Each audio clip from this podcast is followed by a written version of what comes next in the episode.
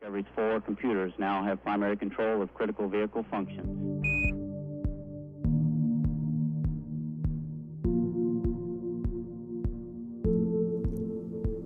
Du lytter til Ida Space Talks, en podcast om rummet over os, om hvordan universet har haft indflydelse på vores selvforståelse og vil præge vores fremtid. Ida Space Talks er udgivet af Ida, fagforening for teknologi, IT og naturvidenskab, i samarbejde med det faglige netværk Ida Space. Mit navn er Tino Tønnesen, og det er mig, der er vært på Ida Space Talks.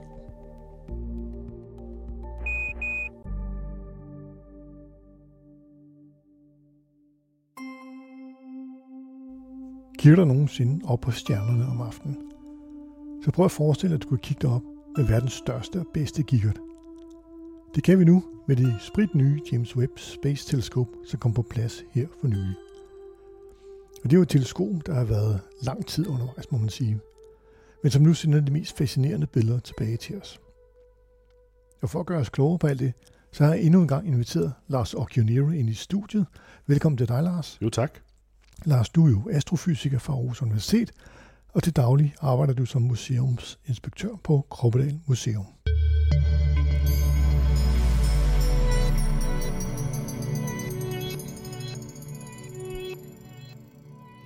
Efter at James Webb-teleskopet kom på plads, så er der kommet et væld af billeder og informationer frem, og det er jo overvældende både, hvad vi hører om og det, vi ser på. Og derfor tager jeg tænkt på, at vi har brug for et crash course til James Webb Space Telescope, som på en eller anden måde har erstattet Hubble-teleskopet. Og her kommer du ind i billedet, Lars. Vi har talt om, at du giver os en historisk intro til det hele, og til sidst så kan vi tale om alle de billeder, der er blevet offentliggjort her fra slut juli i år. Man må sige, det er jo virkelig fascinerende, det vi ser. Meget. Rigtig meget. Det er det. Godt, men øh, hvor, hvor langt skal vi tilbage med, med, med, med teleskopet her? Jamen i virkeligheden, de første planer til at lave den starter allerede fra 80'erne, altså inden Hubble overhovedet blev sendt op. Øh, det er sådan typisk øh, astronom, astrofysiker ting, at øh, når man har planerne for et teleskop, så så snart den er begyndt at blive sådan realiseret, så begynder man allerede at tænke på, uh, hvordan kan vi gøre den endnu bedre? Øh, så allerede inden Hubble overhovedet blev sendt op, begyndte man allerede at snakke om, men skal vi lave den større, og hvordan skal vi lave det?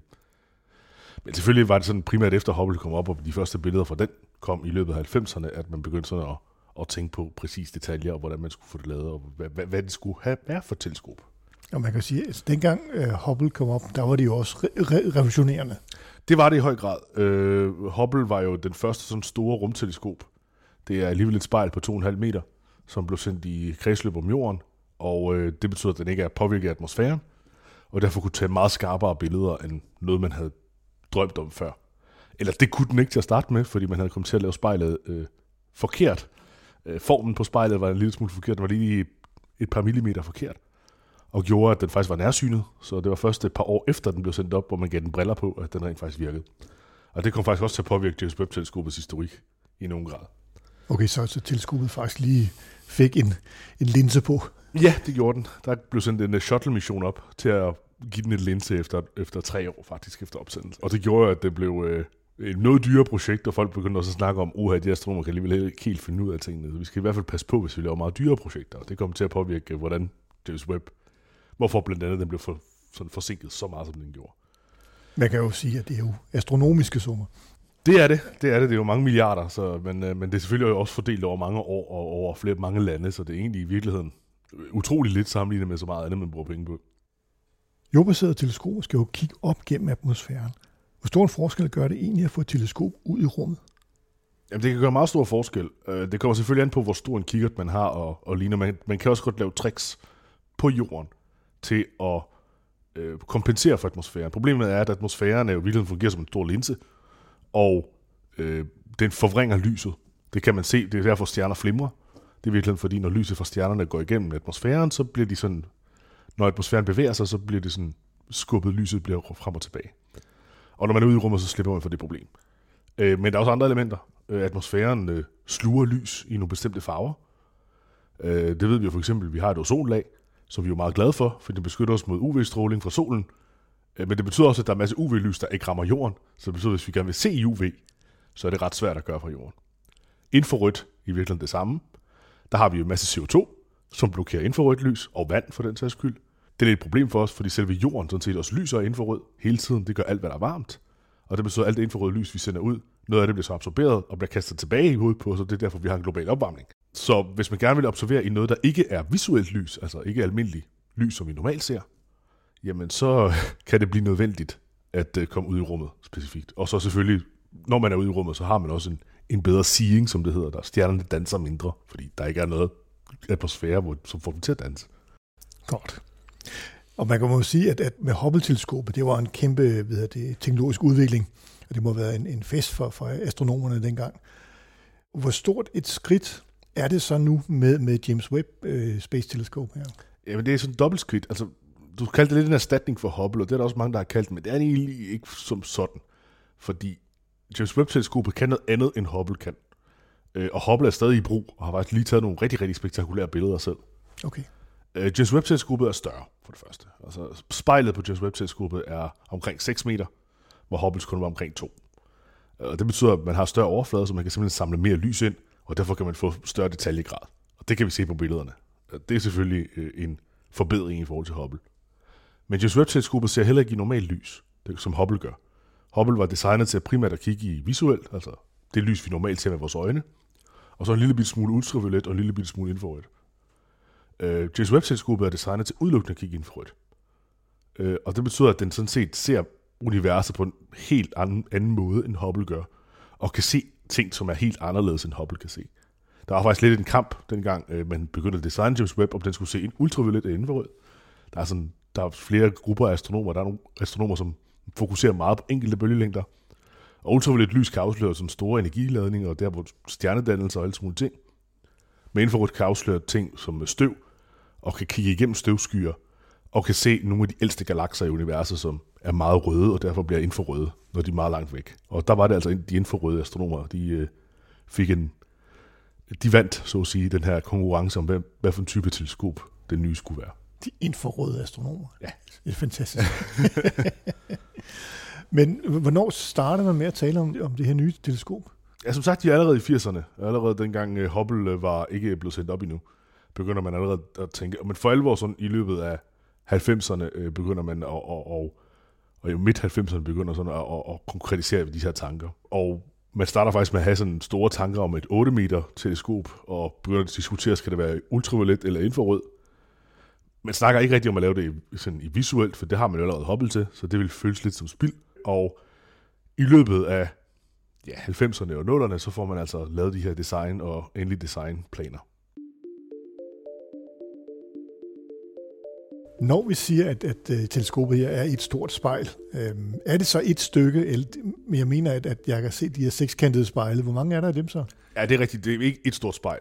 Generelt, når man laver meget, meget store spejle, så kan man ikke lave den som et stort. Øh, det har en tendens, specielt her på jorden, til at kollapse under sin eget vægt og den slags. Så det man gør i stedet for, det er, at man laver det i mindre spejle, som man så sætter sammen. Det gør man også med de store teleskoper på jorden. Og Webb er så lavet af 18 sekskantede spejle. Øh, og sekskantede det er også, fordi så kan de bedre danne de rigtige former. Selvfølgelig. Samler man det på jorden, og så sender det op, eller hvordan, hvordan er det foregået? Øh, i, I stor stil ja, fordi man kan jo ikke øh, sådan bygge det i rummet. Øh, James Webb ligger meget længere væk end Hubble. Øh, som sagt, Hubble så havde rent faktisk et problem, den var nærsynet, så man kunne flyve op og fikse den. Men James Webb ligger meget længere væk, end Hubble gør. Altså Hubble øh, lå jo kun i øh, en afstand fra jorden på omkring 570 km. Det er ikke meget højere end rumstationen. Nej, som ligger lige omkring 300. Ja, 400, 300-400 deromkring. Så den kunne man sagtens flyve op og fikse og gøre ting med. Det har man også gjort flere gange. Øh, James Webb-teleskopet ligger halvanden millioner kilometer væk. Det er altså meget længere væk, end månen er. Den ligger nemlig i det, der hedder andet Lagrange-punkt. Så sådan et sted, hvor den kan stå stabilt i forhold til øh, solen og jorden. Prøv at forklare mig, hvad, hvad Lagrange-punkt er. Ja. Lagrange-punkter, det er nogle punkter, hvor du har, når du har et system af tre objekter i virkeligheden, eller to tunge objekter, i vores tilfælde solen og jorden, så vil du have nogle områder i de her sted, hvor tyngdekraften fra de to objekter, så at sige sådan, cancellerer hinanden ud. Ikke fuldstændigt, men det er sådan en, en meget forsimplet måde at sige det på. Så et punkt i midten, hvor, hvor man kan placere en ting, og så bliver den trukket lige meget. Ja, det betyder, at hvis du placerer noget der, så står det sådan set stille i forhold til øh, solen og jorden. Og det betyder, at det er en, et punkt, der kan fungere som øh, et læme, der ikke findes. Og det betyder, at du kan sætte ting i kredsløb om det, ligesom du kan med en planet. men der er ikke en planet. Øh, det betyder, at der er ikke noget, der lyser, og der er ikke noget, der generer. Øh, og det er det, øh, James Webb-teleskopet er i. Det er så i Lagrange-punktet nummer to, som er den, der ligger på den modsatte side, så hvis man har solen og jorden, så ligger den på den anden side af jorden. Det vil sige, at, at, at James Webb-teleskopet ligger på den anden side af jorden end solen. Ja. ja. ja. Men stadig øh, med, med den afstand, halvdelen af afstanden mellem solen og jorden, bare på den anden side af jorden. Ja, ikke halvdelen. Øh, et bestemt punkt, fordi solen er tungere og sådan noget ting. Så der, man skal lige beregne det på den rigtige måde. Øh, men, men i hvert fald det punkt, der ligger derude, som er stabilt. Det her Lagrange-punkt. Og det er altså halvanden millioner kilometer væk. Så der kan man ikke bare lige flyve til den og give den briller på, eller fikse den, eller lignende. Nej. Og det betyder, at man kan heller ikke samle den i rummet. Altså det har man gjort med rumstationen. Den er 400 km op, der har man bare sendt de enkelte moduler op, og så har man haft astronauter med øh, skruetrækker og lignende til at samle den.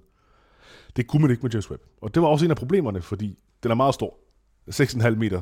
Og der findes altså ikke raketter, som har den her størrelse i deres øh, lastrum, så at sige.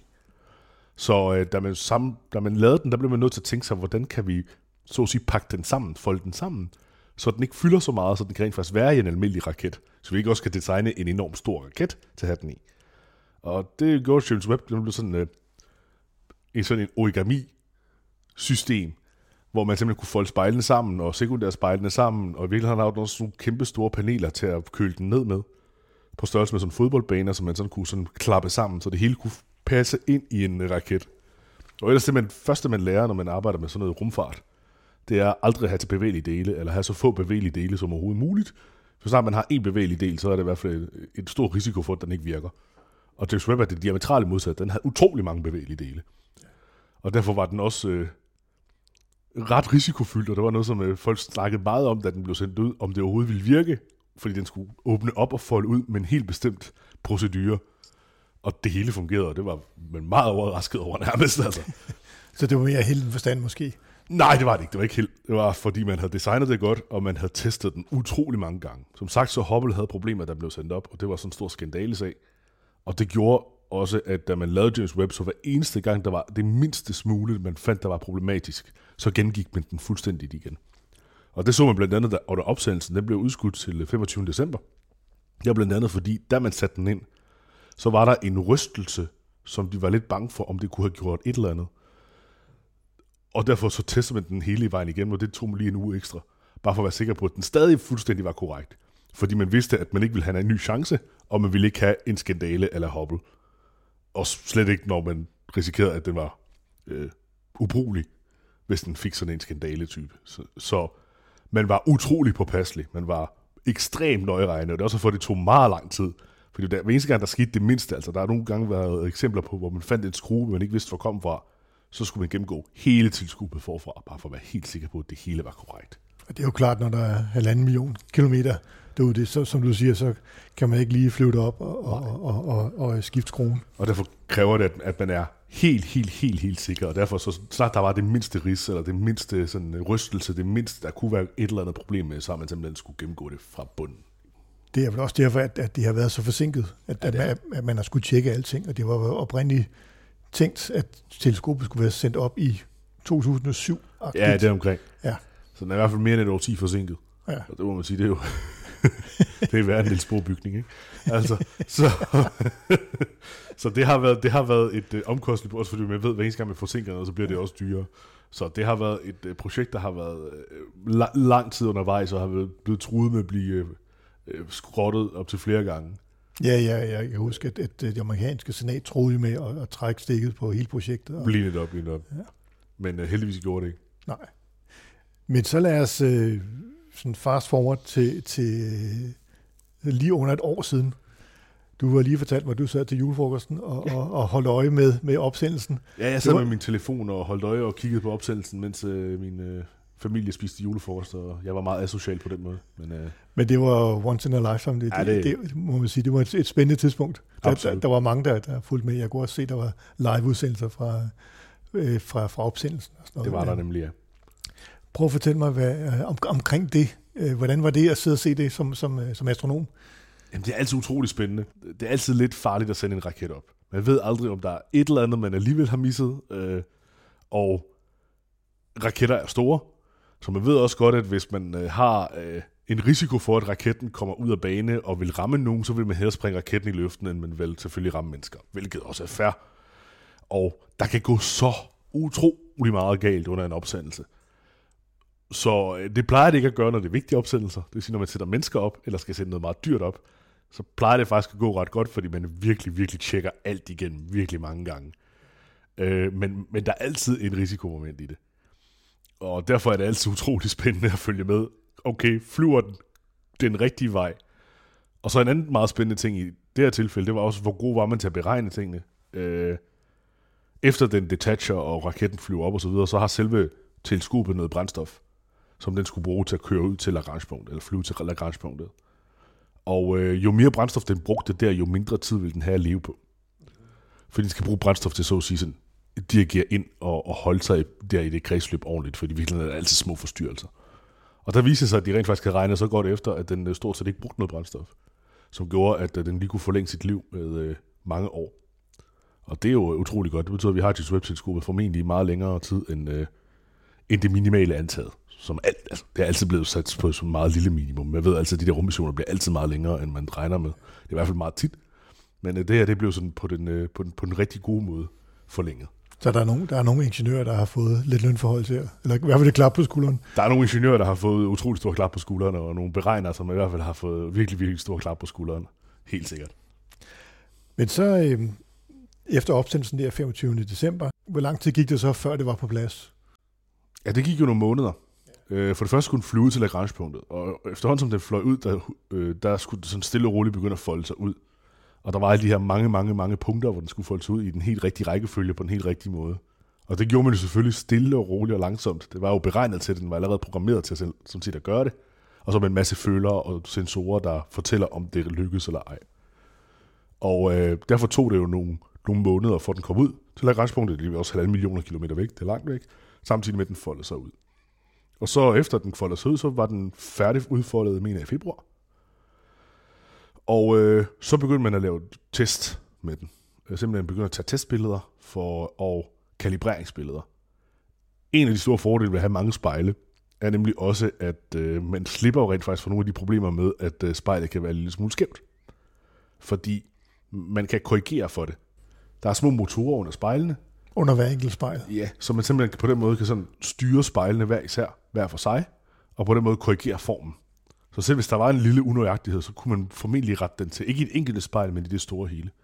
Øh, og det betyder også, at hvis den bliver ramt af ting, så kan den faktisk godt korrigere for, for mange problemer, hvilket den er faktisk blevet ramt af nogle meteoritter siden. Eller meteorer siden. Det er jo meteoritter først, som de rammer jorden. så den er faktisk blevet ramt af nogle meteorer, øh, siden den kom derud. Blandt andet en ret stor en, som en, en relativt sjælden en, den, der som ramte den desværre. Ja, ja jeg læste, der, der, det var, der røg et spejl. Ja, ikke fuldstændig, men, men der kom en ordentligt uh, øh, bule i spejlet. Øh, skråstreg hul. Så det, men, men kan heldigvis korrigere for meget af det. Så derfor var den i gang med simpelthen at, at line op, og det tog også noget tid at, at line alle de her spejle, og så lavede den de første testbilleder. Og det første testbillede var jo bare et, altså, et hurtigt klip, og øh, allerede den var fascineret folk helt fantastisk meget, fordi det var et billede af en meget klar stjerne. Det gode ved at tage et billede af en meget klar stjerne, det er, at du har et punkt, som du på den måde kan øh, korrigere efter, indtil stjernen er så lille, som den overhovedet kan blive. Øh, og, men bagved den her stjerne, der kunne man allerede se en hel myriade af nye galakser, som man ikke har set før. Så allerede bare det billede, som bare var et testbillede, altså virkelig bare sådan, ligesom når man tager et kamera og lige skal teste, om det virker, og lige bare tager et hurtigt billede, allerede det kunne man bruge til forskning. Og det gjorde, at folk allerede blev klar over, okay, det her, det bliver, det, det bliver fedt.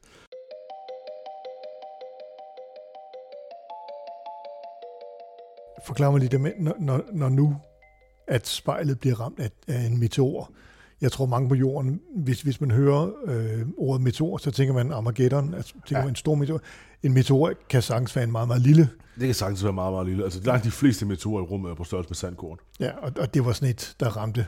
Ja, en lille smule større end det. Ja. Så noget lidt grus, øh, ja. der ramte. Ja. Men de flyver alligevel med nogle tusind kilometer i timen, så selv hvis et sandkorn rammer med de hastigheder, så kan det altså stadig godt give nogle skader. Ja, okay, så det er præcis. Men det er ikke Armageddon. Nej, nej, nej, så var den væk. Altså, det er ikke ja, ja, okay.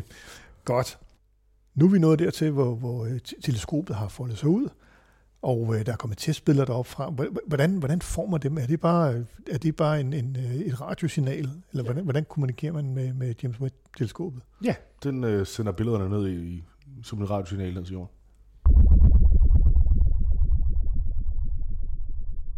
Meget simpelt. Meget simpelt. Det er det, man har gjort siden 70'erne. Ja. Øh, Voyager-sonden sender stadigvæk en gang imellem blip og siger, hej, jeg er her stadigvæk. Det fungerer. Der er ingen grund til at hente på det, nej. Halvanden millioner kilometer er langt væk, men det er jo ingenting i forhold til lysets hastighed, så det er fint. Altså, det er selvfølgelig sådan nogle ret tunge billeder, og internetforbindelsen i halvanden millioner kilometers afstand, så at sige, eller radioforbindelsen er ikke den bedste, så det tager noget tid at downloade de billeder, men, øh, de kommer stødt. Men de kommer stødt stille og roligt. Ikke? Ja.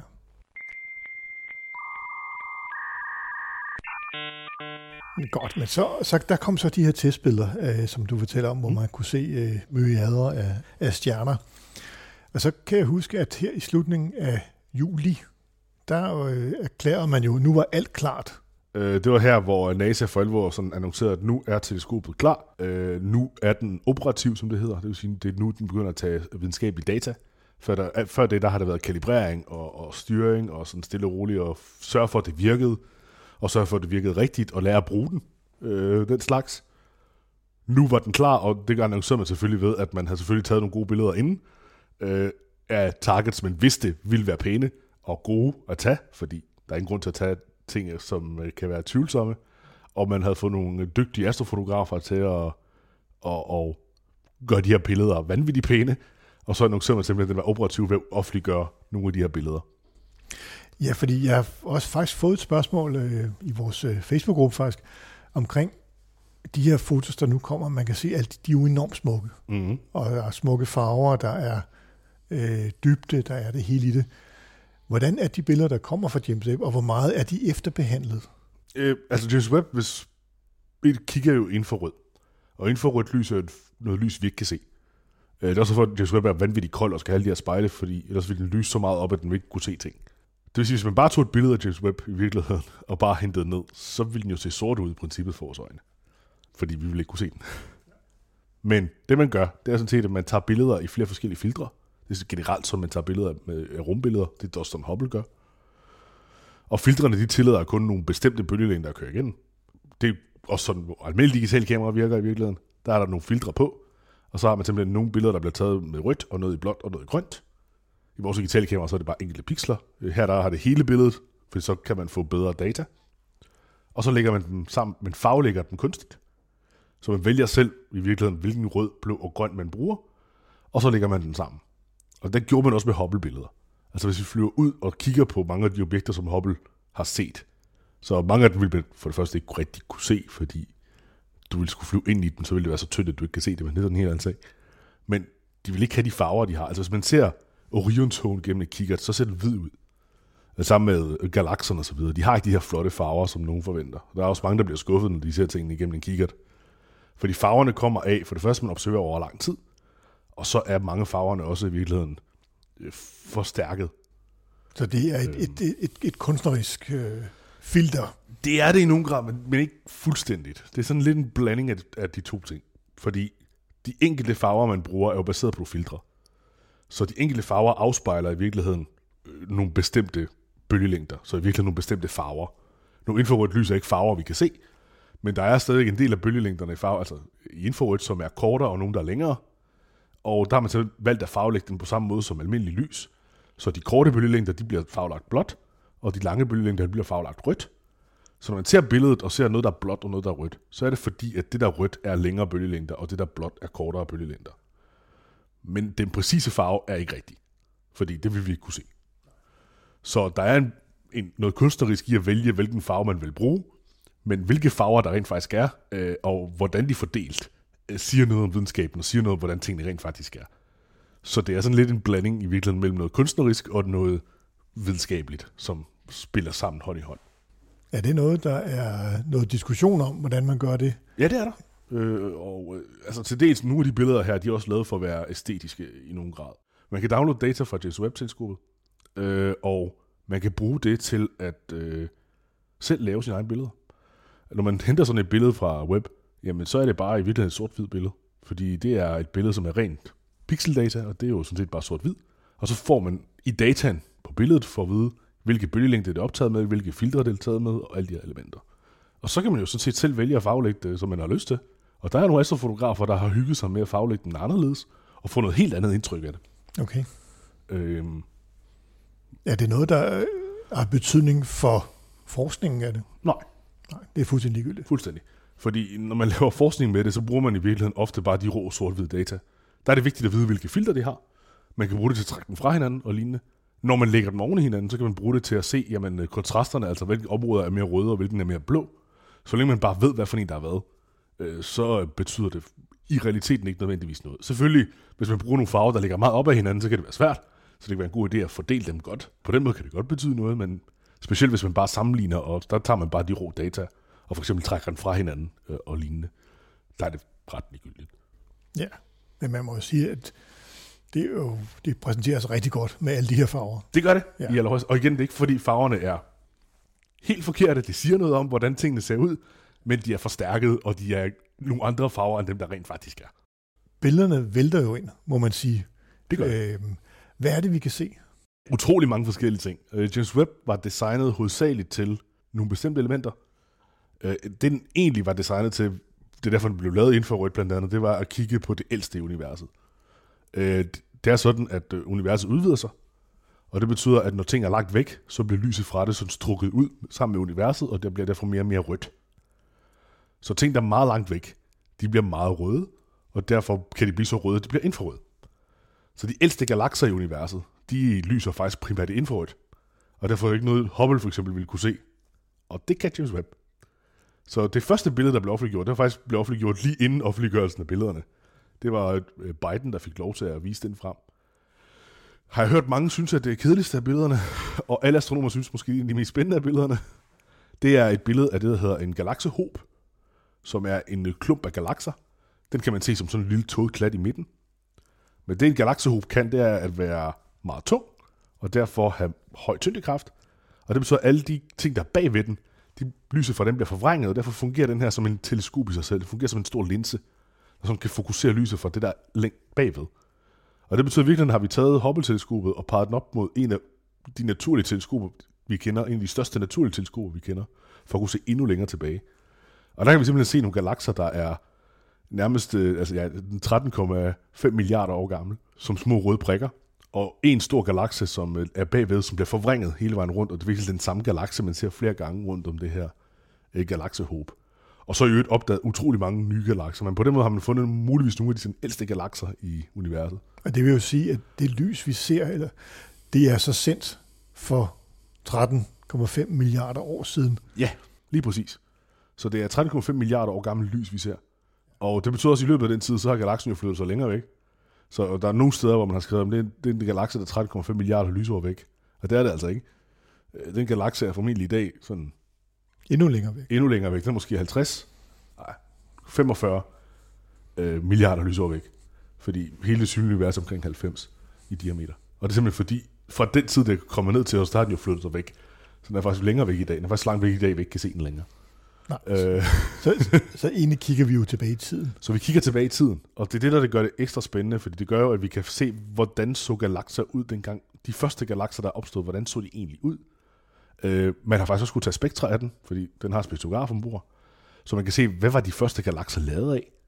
Og, og den slags ting. Og, og det er utrolig spændende for at vide noget om, hvordan øh, grundstofferne for eksempel i universet har udviklet sig. Og i virkeligheden, det, det vi lavede af, de her kommer jo fra stjernerne. Og på den måde så kan vi se, at de ældste galakser indeholder faktisk mindre af de her grundstoffer, som vi lavede af. Hvilket tyder på, at vores idéer om, at vi kommer fra stjernestøv, er korrekt. Mm-hmm. Vi kan også godt se, at gamle galakser er små. Øh, De bliver større efterhånden, som øh, tiden går. Og det kunne jo tyde på, at galakser de har en tendens til at banke ind i hinanden og smelte sammen. Og det ved vi jo, de gør. Men måske også i højere grad. Øh, Det nyeste billede, der er kommet, Pinwheel Galaxy, det er det, man kalder en, ringgalakse. Det er formentlig en galakse, sådan en spiralgalakse, der er simpelthen blevet punchet igennem af en anden galakse, mindre galakse, som har lavet et hul i midten. Og vi ved også, at vi er på vej til med Andromeda-galaksen at smelte sammen. Og vi ved også, at Mælkevejen er jo smeltet sammen med andre galakser tidligere. Der er et helt felt, som øh, desværre først opstod, efter jeg var færdig med mine studier, som hedder galaktisk arkeologi, som sådan set handler om at kigge efter stjerner, og også stjerner fra andre galakser og ældre stjerner på forskellige vis. Det er jo for at lære noget om det gamle, og der bruger man simpelthen vores egne stjerner til at gøre det. Men modsat arkeologer, så har vi altså den her fantastiske mulighed for at kunne kigge tilbage i tiden Ja. med en tidsmaskine og se, okay, hvordan så det faktisk ud dengang? Og så kan vi sammenligne med, hvordan ser det ud i dag, og kan vi se en sammenhæng. Ja, det må være en hver arkeologs øh, våde drøm at, at, at, at kunne det. Ja, hvis man bare lige kunne tage et, øh, et magisk spejl og se, okay, hvordan øh, så folk i bronzealderen rent faktisk ud, og hvordan var deres samfund, ikke? Jo. Selv hvis det er måske et meget lille format og, og ret sløret, så tror jeg, de ville være utrolig glade.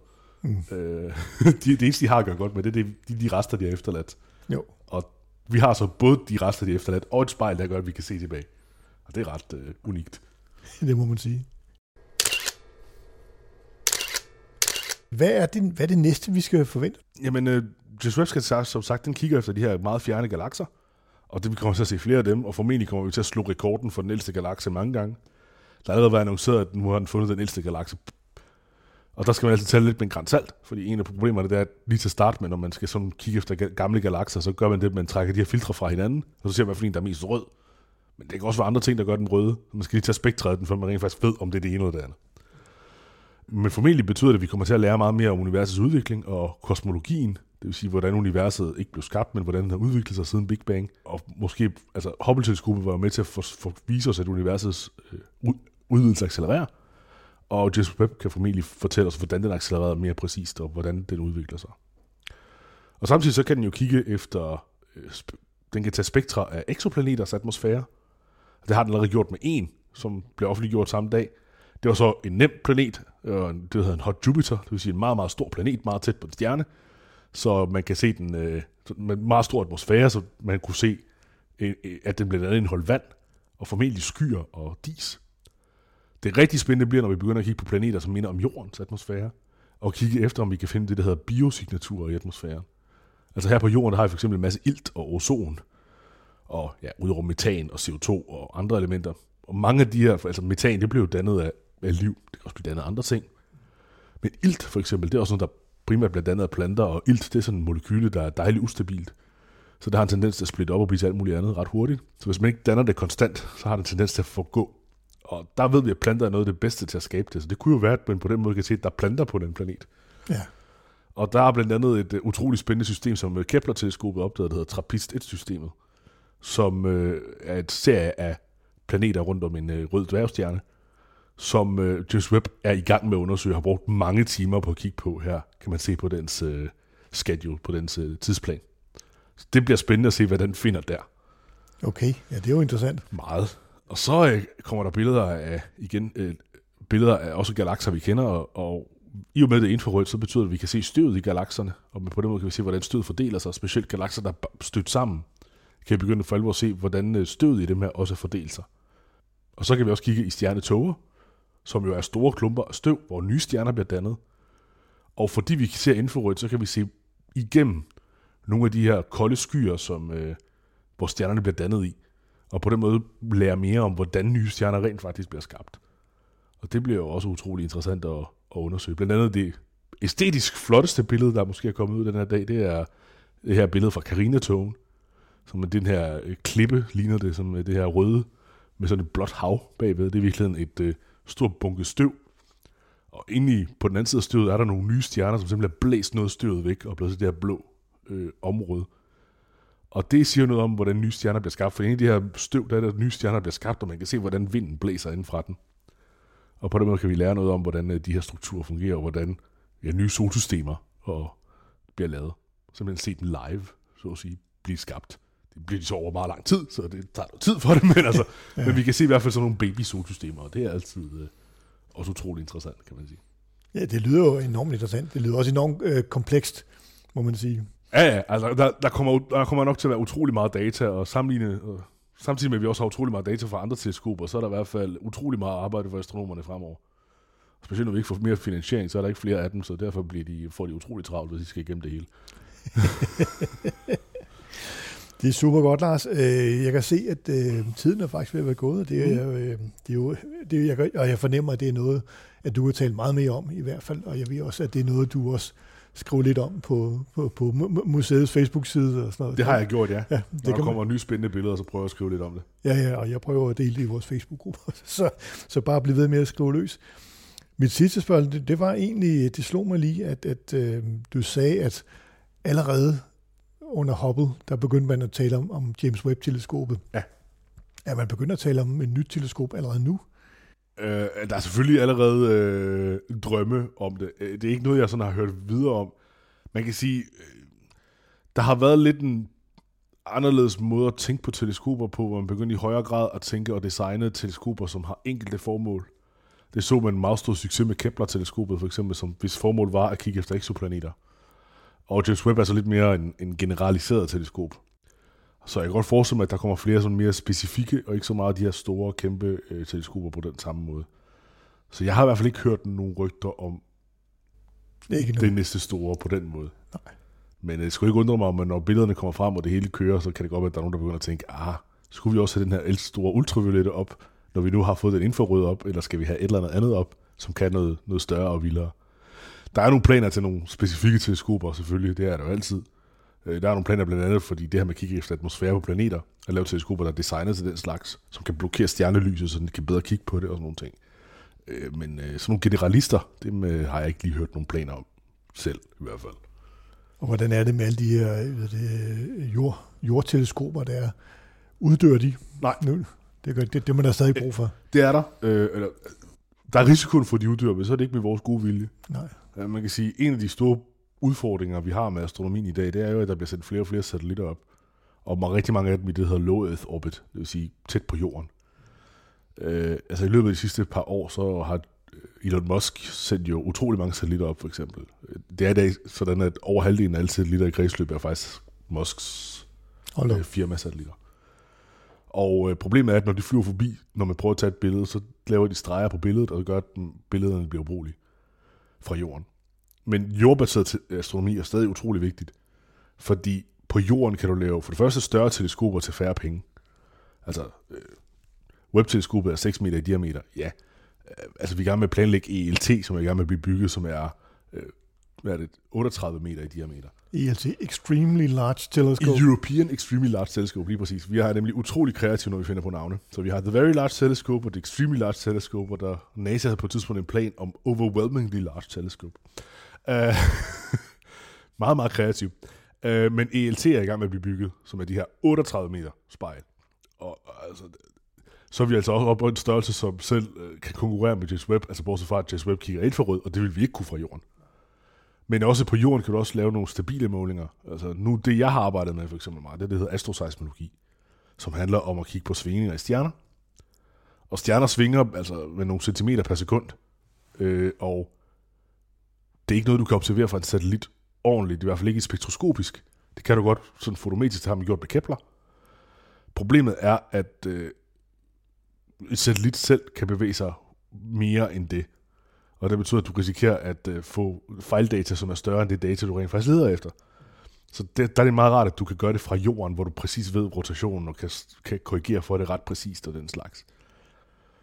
Så stabiliteten er at bygge noget på jorden, og øh, det simple i at kunne fikse det, hvis der går noget galt, og kunne udvikle på det, og putte nye instrumenter i, og i øvrigt stadig meget, meget billigere at bygge på jorden, gør, at øh, jordbaseret astronomi kommer ikke sådan set til at dø ud, medmindre vi bliver tvunget til det, fordi at vi ikke kan bruge det længere, På grund af satellitter. på grund af satellitter og lysforurening generelt.